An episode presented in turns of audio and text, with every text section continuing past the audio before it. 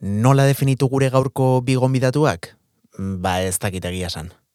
Zientzialari moduan? Mm, Dibulgatzaile moduan agian? Eske komunikatzaileak ere badira. Eta ekintzaileak ere bai.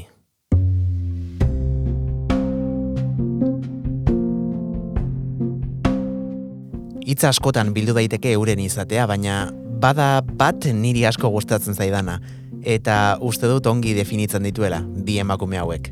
Saltxerak, gaur gurera datozenak umorez beteriko podcasterrak ere bilakatu direlako azken urte honetan. Denetarik egiten dute hauek. Ai ama. Ispilu beltza, asier errastirekin.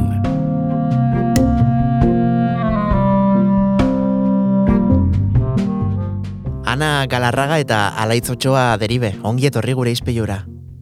Eskerrik asko, Asier. Eskerrik asko. Zer modu zaudete bikote?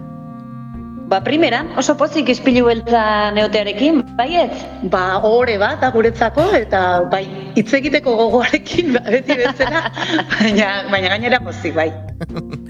Noizbait e, zuen podcasta entzun duena, que jakingo du, ba, sekulako saltxerak zaretela, e, izketarako gogoa izaten duzuela normalean, eta gainera, bueno, jende asko hitz egiten du, baino gauze interesgarri gehiagirik ere e, zizkigute gehiene kontatzen, baino zuek mm, astero astero sekulako, bueno, ba, zientzia eta eta jakintza dosi zoragarri bate ekartzen diguzu gure podcast plataformatara. E, konta iguzu, eh? Zer den uin ultramoreak ezagutzen ez duen arentzat? Bueno, azteko eskerrik asko botata kolore guztiengatik, nik ez etin hor gutxi etziko, baina bai, esan behar aitortzen dugu, gustora gaudela zabaltzen ditugun edukiekin, eta ez bakarrik horrekin edukiak bai, baina baita e, tonua eta bereziki begiradarekin. Uste degulako benetan utxunea handia zegoela, euskaraz, zientziaz, e, ba, badaude igual birrasaioak eta podcasten bat edo beste, ba, ingurumenari buruzkoa da adibidez, baina ez ikuspegi e, feministarekin egindakoak eta gainera ba, humore tonuan. Eta bueno, ba, ez dakit, e, apaltasuna da hitza, baina ez ez, arro, ez da? Bai, bai. Bai, arro gaude, ba, utxune hori uste dugu betetzen ari garela. Eta nola betetzen dugu? Ba, hori, uin ultramoreak izeneko saio batekin, ama bostean behin ateratzen dugu, eta atal nagusi bat izaten du eta gero ba, bestelako eduki batzuk baina hori alaitzi utziko dio zehazten bai, e, atal nagusi hori da uin ultramoren begiradapean azaltzen dugun gai bat, ba izan daitezkela ezakit, mito sexualak, estralurtarrak, azkenengoa ba hilekoaren negazionismoa izan da, ez da? Eta gero ditugu pues e, albiste zientifiko teknologikoak, e, atal bat daukagu baita ere asko gustatzen zaiguna egia gezurra edo ez dago nahiko evidentzia, batak besteari horrelako afirmazioak botatzen dizkiogu eta besteak asmatu behar du egia den, e, momentu horretan asmatu duen e, besteak, anak edo nik, eta edo, edo evidentziarik ez dagoen hori afirmatzeko, ez da? Seguri gustatzen zaigu, esaten deguna, izatea nola? Hori da. Zientifikoki akuratua. Bai, evidentziatan oinarrituta eta ez badaude hori zientzian horrela izaten, bai da, eh? Ba, bueno, normalen hipotesiak eta egiten dira dauden, momentuan dauden evidentziatan oinarrituta, eta hori hartzen da egiatzat, baina egia hori ez da egia absoluto bat. Ba, beste zerbait sortzen baldin bada evidentzia horiek bertan bera uzten dituenak, ba, zientziak hori bat egiten du horrekin, eta guk ere filosofia horrekin heltzen diogu. Nik onartu beharra daukaten naizela bereziki zientzia zalea, mm, nere kabuz ez dudalako, bueno, ba, gai horren inguruan, edo zientziaren, e, bueno, ba, bueltan e, testuak irakortzen, e, podcastak entzuten eta bar, baina zuenak lehenengo egunetik harrapatu ninduen. E, izan ere, bueno, elujarrek egiten duen bezala, ez? E, zientzia, ba, ezagutza maila oso ezberdinak dauzkagun pertsonei e, eskaini digu zuelako eta gainera e, zientziaren barruko gai konkretu ez gain e, ondoren ere zuen podcasta entzunaz zientziak ere nola funtzionatzen duen ikasi daiteke eta nik bintzat ikasi dut. Aba, hori oso interesgarria da. Ze jakin da nola funtzionatzen duen, e, ikerketak batek nola funtzionatzen duen, ezta? Afirmazio bat egiteko zenbat evidentzia bildu behar dan, horrela guk ere esaten ditugun gauzak edo gure iritzi hoiek e, jazteko eta defendatzeko dauzkagun argumentuak ba sendoagoak izango dira, ezta? E, kontua ez da, hau zientziak esaten dut horrela da eta sinistu egingo dut. Ulertzen baldin badet, logikoagoak irudituko zaizkit gauza batzuk edo beste. Eta gero egia da alegina egiten ari garela, ba, urteetan zientzia izan da zerbait e, oso elitista naita, eh? Mhm. ba, distantzia bat jartzeko dakitenen artean. Eta herri xea alegia gu. Eta guk, bueno, hori irauli nahi dugu, e, erabat kontra gaude ikuspegi horren kontra, eta frogatzen ari gara, ba, beharrezkoa dela gizartea zientzian jantzita egotea edo behintzat ulertzea justu alaitzek esaten zuna, ez? E, nola funtzionatzen duen zientziak, horrela hartzen ditugun erabakiak edo dauzkagun iritziak eta irizpideak ba, izango direlako e, realitateari erantzuteko baliagarriagoak eta eraginkorragoak. Eta politikoki ere eraginkorragoak edo. Bueno, behintzat asmo horrekin egiten dugu. Bai, hoxe. Nik pertsonalki kasualitatez e, badauzkat e, lagunde xente zientzia munduan dabiltzanak, baina oso gutxiri e, izaten zaie erresa mm, gai potolo eta marduloiek simplifikatzea eta zukan aipatu zen moduan errixeari e, transmititzea. Zuek nola lortzen duzue mm, jorratzen dituzuen gai potoloiek hainbeste simplifikatu eta mm, bueno, ba, gu bezalako tontoentzako esplikatzea? Bueno, tontoak nik uste, eh, dano behala listuak edo tontuak segun zertan, ezta? Eta, bueno, nik adibidez, ez, da, ez neukan e, zientzia formazio bat aldez aurretik ere, eta e, nik uste guk daukaguna dala batipat, interesa jakin mina, eta e, gakua dala jakin min hori transmititzen jakitia, edo, edo saiatzia behintzat, ezta? Jakin mina, e, podcast bat entzuten inork ez du egingo tesi doktoral bat, ez da, gai batetan sakontzeko. Baina, jakin mina piztu baldin bazaio eta kontxo, ba, ni gai hortaz gehiago jakin nahi dut, jungo da e, aldizkari bat irakurtzera, jungo da liburu bat irakurtzera, jungo da gai horren inguruko hitzaldietara, ez da? Baina, bueno, lehendik existitzen ez ziren, existitzen zirela etekien gauza horiek, ba igual bapatean interesatuko zaizkio. Ta, nik uste hori dela gure helburua, ezta? Ba, eta gero nola egiten da, ba, hartzaiaren lekuan jarrita. Ba, zuk azkenean zein nahi dizkiozu kontatu gauza hauek. Ba, gu bezalako senyora batzuk imaginatzen ditugu bestaldian, eta haiei kontatzen dizkiegu, ba, esan duen bezala, jakimina piztu diguten kontuak. Hori da. Eta ba, taberna batean edo kafetegi batean egongo bagina bezalaxe kontatzen dizkiogu. Beti ere buruan eukitan norentzat ari garen. Gainera lehen aipatu duzu, eh? bi genero edo gai oso... Bueno, orain arte aldenduak eh, egon direnak, egia da produktu batzuk sortu direla, baina zientzia umoretik landuta oso jende gutxik eh, egin du, eta hori ez dakite zuen, bueno, izaeraren parte den eta naturalki sortu den zerbait izan den, ala, bueno, lanketa sakon bat egin behar izan duzuen bi, bi arlo hauek uztartzeko.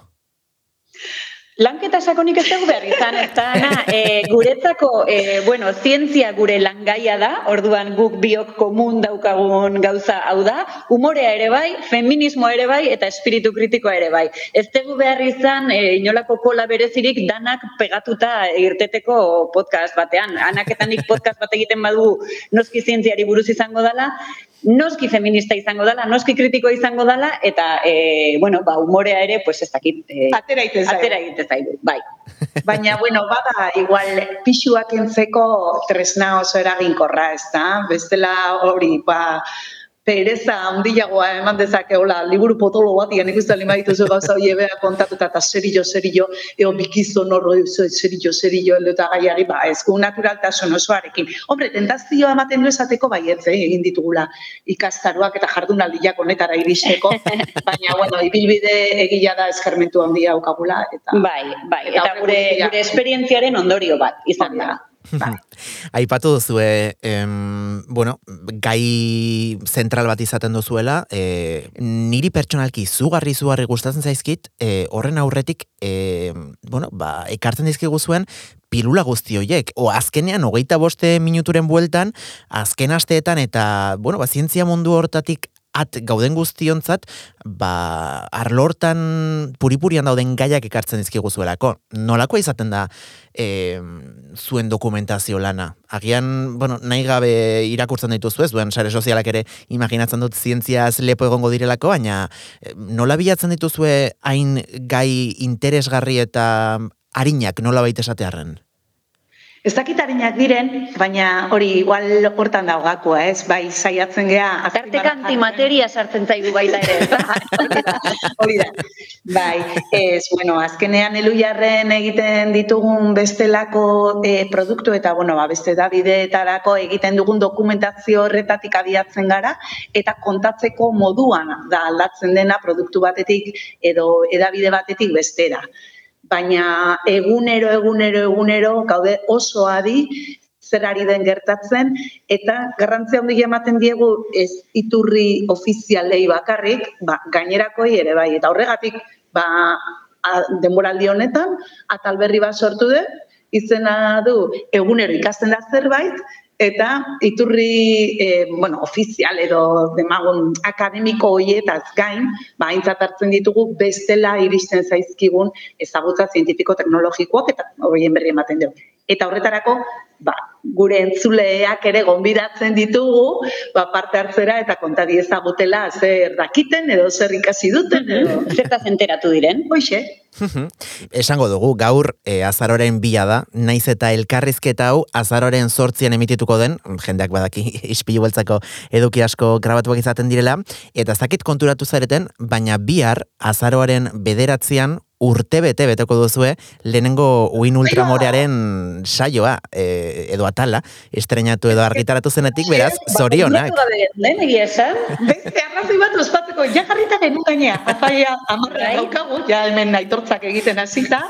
Ba horretarako zen ezkenekin eh baina bueno bai ba gure gure lehenengo urtea ospatuko dugu. Oso pozik gaude egia esan e, urte honetaz. Proiektu hau hasi izan horrela biok e, pasilotan komentatu genuen zerbaitetik abiatuta eta egia esan, ba bueno, hasieratik EITB podcastekin egin dugu kolaborazioa, eh Eluiarren ere errestasun guztiak dazkau produktu hau egiteko eta e, beti esaten dugu, ezta? Erdi sekretuan. Hau da, gehien egiten ditudan lanetatikan gehien gustatzen zaiten. Bai, ez dugu salto esan nahi, bai. dugu, igual ez igute ordaindu nahi ordua, hain pozik egiten badute egin dezatela gratis, eta klaro, hori, bera, bajan ere egin dardeu, baina, bai, bai, hola, Eta oso gustora egiten dugun zerbait, eta ikusita gainera zenbat gai egin ditugun urte honetan, eta ze arlo desberdinetakoak eta, jo, ba, ondo oso motivatuta zegoen beste pila bat gelditzen zaizkigu. Bai, bai, gai asko daude oraindik uin ultramoreekin aztertzeko, ezta? Hori da. Beraz, eh, gaiak badituzue beste hainbat eta hainbat demoraldi burutzeko. Bai, bai, bai, bai, ez dira gortzen.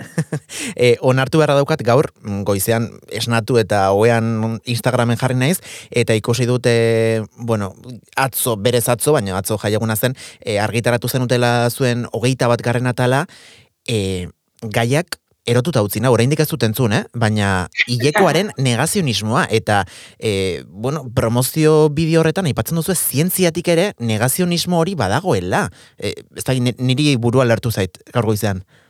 Askotan daukagu irudia zientzia dela gauza bat neutrala, ez da?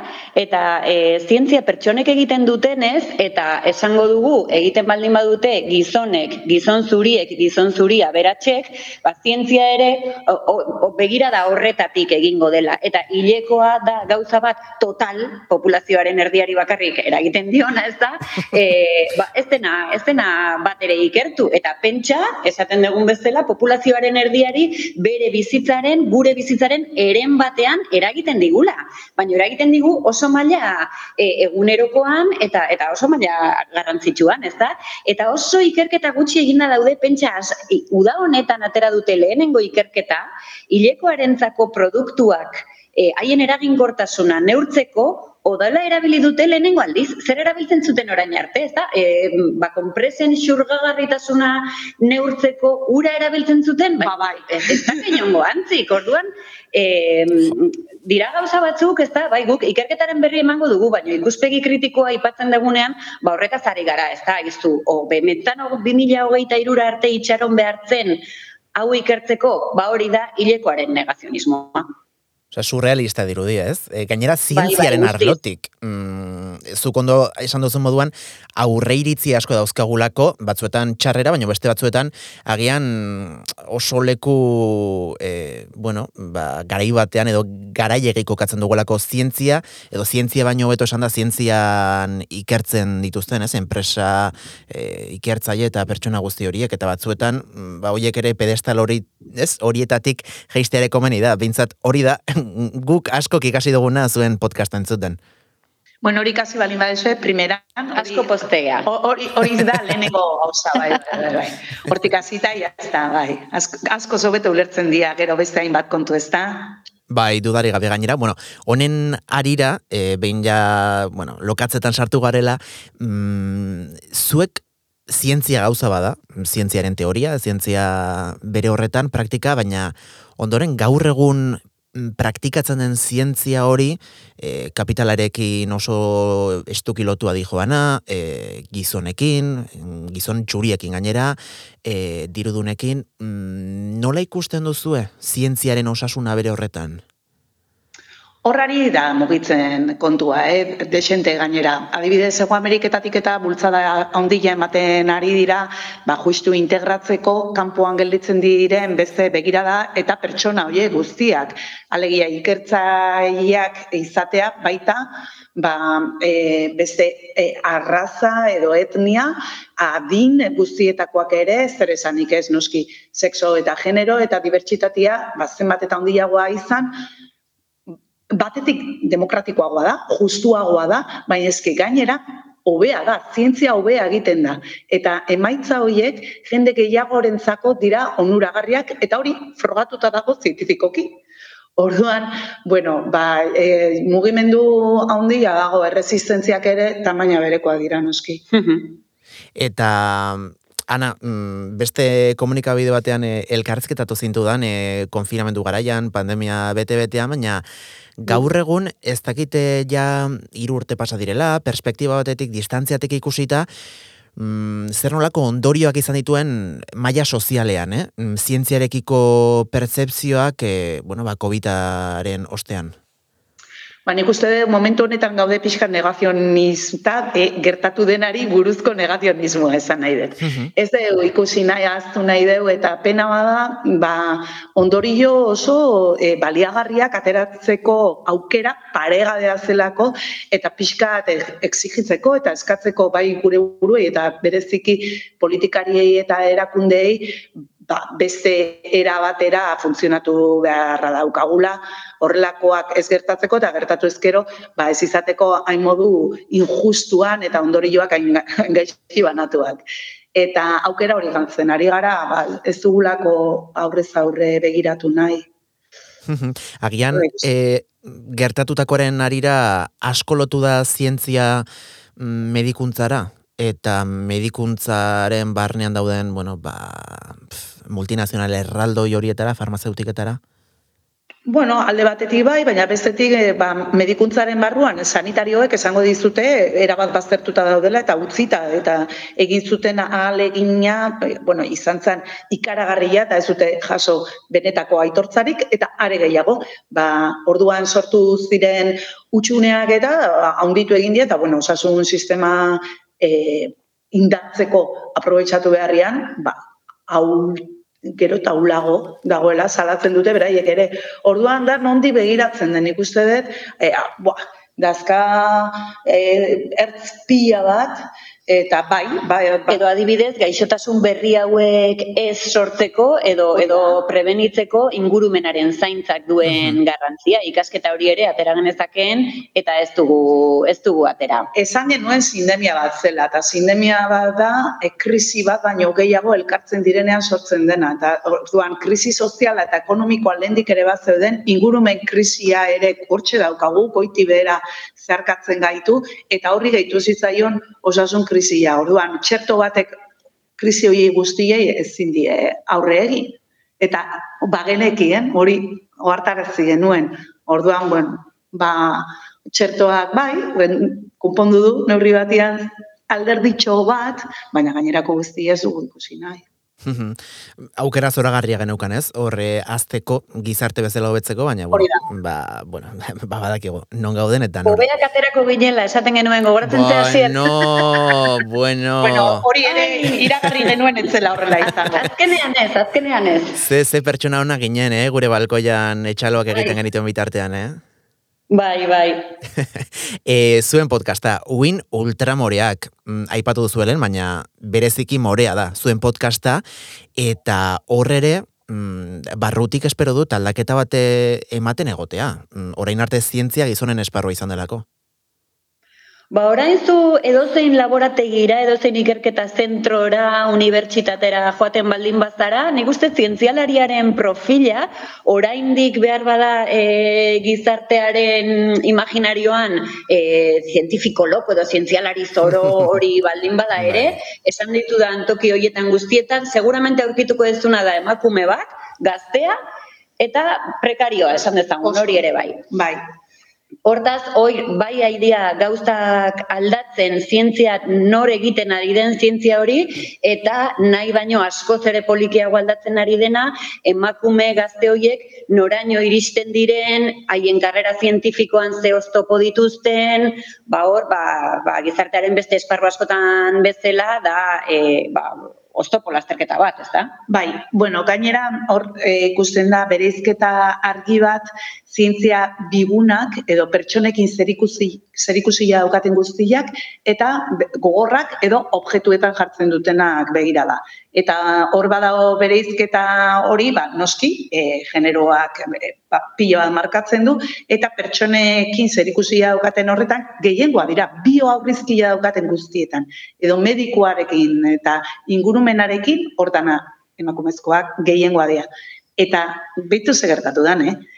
Zenbat eta emakumezko gehiago egon arlo hoietan, arlo hoiek galtzen dute prestigioa eta prekarizatu egiten dira ekonomikoki Ba. ere, e, okerro, bai, eta horren adibide bada medikuntza. Ba, leno medikoa zen gizon bat, Mhm. errespetu ikaragarri jazitzaion, eta ondo ordaindu eta zeon, osea, soldata majua zeukan, eta gaina beste gehigarri batzuk ere jasotzen zituen. Gaur egun emakumezkoak dira, baita ikertzeketa medikoan daudenak ere, eta horrekin batea, ja, solatak e, jetxe egin dira, baldintzak okerragoa dira, askoz prekarioagoa da, eta gizonezko gutxiago matrikulatzen dira medikuntzan. Zuen bederatzigarren podcastaren atala da, eta hain zuzen titulu hori mm, erabiliko da zuei galdera botatzeko. Zergatik da beharrezkoa zientzia feminista? Bueno, lehenik eta behin, 2008an ezin delako ezer egin feminismori gabe, ezta? Orduan, galdera horrek balio du zientziarako, balio du eh, herriko festetarako, balio du denerako, ezta? Baina aparte, eta ana, zergatik gehiago behar da zientzia feminista. Ba, lehen esan dugu, ez, ezinbestekoa dalako, ba, behin en, hartzen ditugunean, ba, arazoak, ez da? Zer nahi dugu konpondu? Ba, ja, arazoa izendatzetik bertatik, edo zer ikertu nahi dugu. Ba, ikergaia aukeratzen dugunetik ezinbestekoa da feminismotik egitea galdera hoiek, ba, seguru asko erantzunak ere, galdera nola egiten den, desberdinak izango dialako. Eta desberdinak kasu honetan izango da hobeak, inklusiboagoak izango direlako eta gainera egongo direlako seguru asko askoz ere lotuagoak e, ba, bizitza errealarekin eta bizitzari eusten dioten zutabeekin direla pertsonak. Mhm. ba, ba oso ondo, oso ondo azalduta, ana, eta laitz. E, urrengo galdenan agian pixka bate aterako nahi segidoitik, baina eske, zuek hemen mm, parean izan da, galdetu behar dizuet. Aizue, adimen artifiziala. Zer ari da gertatzen orain, gure gizartean? Ba, gertatzen zaio adimen naturalari zela, ez da? E, nor da bil adimen artifiziala programatzen? Eta nor da bil adimen artifiziala erabiltzen, eta hortaz, adimen artifizial hori eraikitzeko Eh, Zerrari da ikasten, no? Bai, hori da, edukiak ematen, ez da? Ba, norrari da, ba, ba gizonak. Hortaz, e, hor ere, bueno, bada beste aukera galtzen ari garen beste aukera bat, ez da? Hor, adimen artifizialak izan zitekeen anitza, izan zitekeen e, asko zaberatxagoa, eta hortaz, kalidade hobeagokoa, mhm. eta zu, ba, adimen artifizialari txapzepeteri esate baldin badiozu, e, egidazu gidoi bat, mediku bati buruz, edo, edo ingeniari bati buruz, e, noski gizon bat izango da, mhm. protagonista hori, ez da? Eta izango da zuria, eta gainera izan daiteke, bueno, seguro asko izango da bastante fatxa, eta oso machista. eta tresna bera, mm, uste duzu baliagarri izan daitekela, e, arlo askotan, zientziari aplikatuta, ala pixka bate eskutik joateko arriskua askok iragartzen duten hori erreala dela. Bueno, en momentu honetan bizi gara adimen artifizialaren liurarekin, ba ez dakizen bat iraungo du, baina adimen artifizial aspalditik erabiltzen da zientzian eta ikerketan eta e, jarraituko du garatzen. Kontua da, neri gogorarazten dit, lehen genetikarekin gertatu zen adibidez. E, egiten zen edozein ikerketaren emaitza baldimazan genetikan oinarritutakoa, genetika hitza ziguan titularrean. Azterketa genetiko batek esan du Eta, eta gero zetorren zer esan duen, zala importantena. Ba, guain, dana dia, adimen artifizialeko programa bati esker jakun da, eta, eta ez dakit, da pixkat zer saldu nahi dan, horren atzean noski interesak egongo dira. Baina, bueno, aukerak ikaragarriak dira, eta aurrera pena ondila da, eta guk nahi, edo nahi ez izan, edo berdin da zeiritzi daukagun adimen artifizialari buruz, erabilingo dugu. Baitza onak emate ditugola. Tresna bat, tresna bat da. Arriskoa dauzka? Ba, noski. Eta noiz konturatzen gara arriskoa ez? Hanka sartu ondoren. Mm Baina behar bada arrisku horiek ez dira etorriko, ze azkenean e, e, gizartean somatzen dugun beldur hori izaten da, ba. ea makinek gure tokia hartu ah, duten, edo e, la rebelión de las máquinas biziko dugun, ez da? Eta e, ordenagailuak e, koska ingo diran goizian.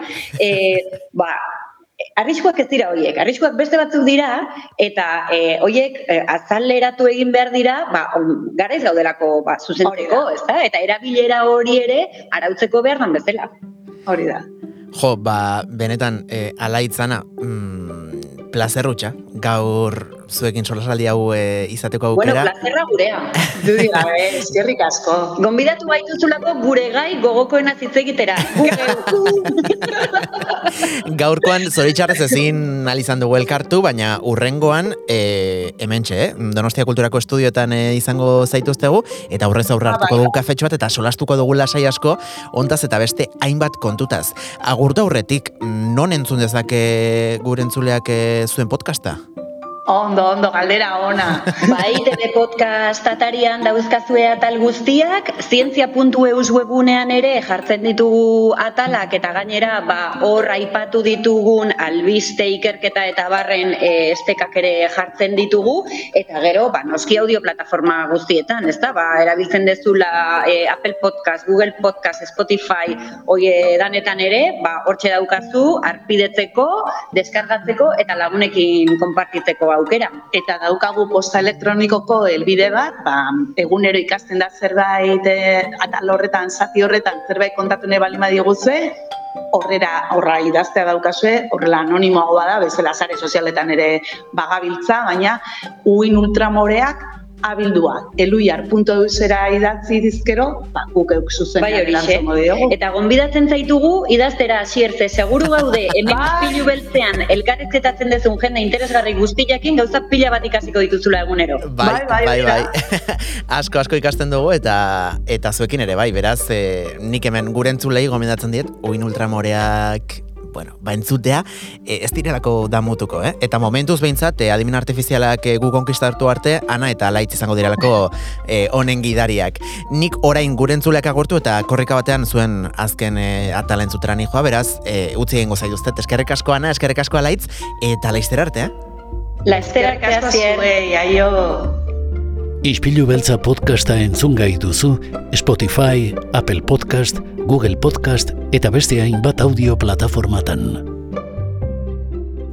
Ba, tira, gure aldetik besterik ez, eskerrik asko gaurkoan ere ispilu beltzara gerturatzeagatik, gogoratu, bi argoizeko seiretatik aurrera ere podcast plataformetan ispilu beltzaren edizio berri bat izango duzuela entzun gai, eta zortziretatik aurrera eunda zazpi puntu lau FM-ean, ere bai donostia kultura irratian. Ordur arte, txintxoak izan. Agur!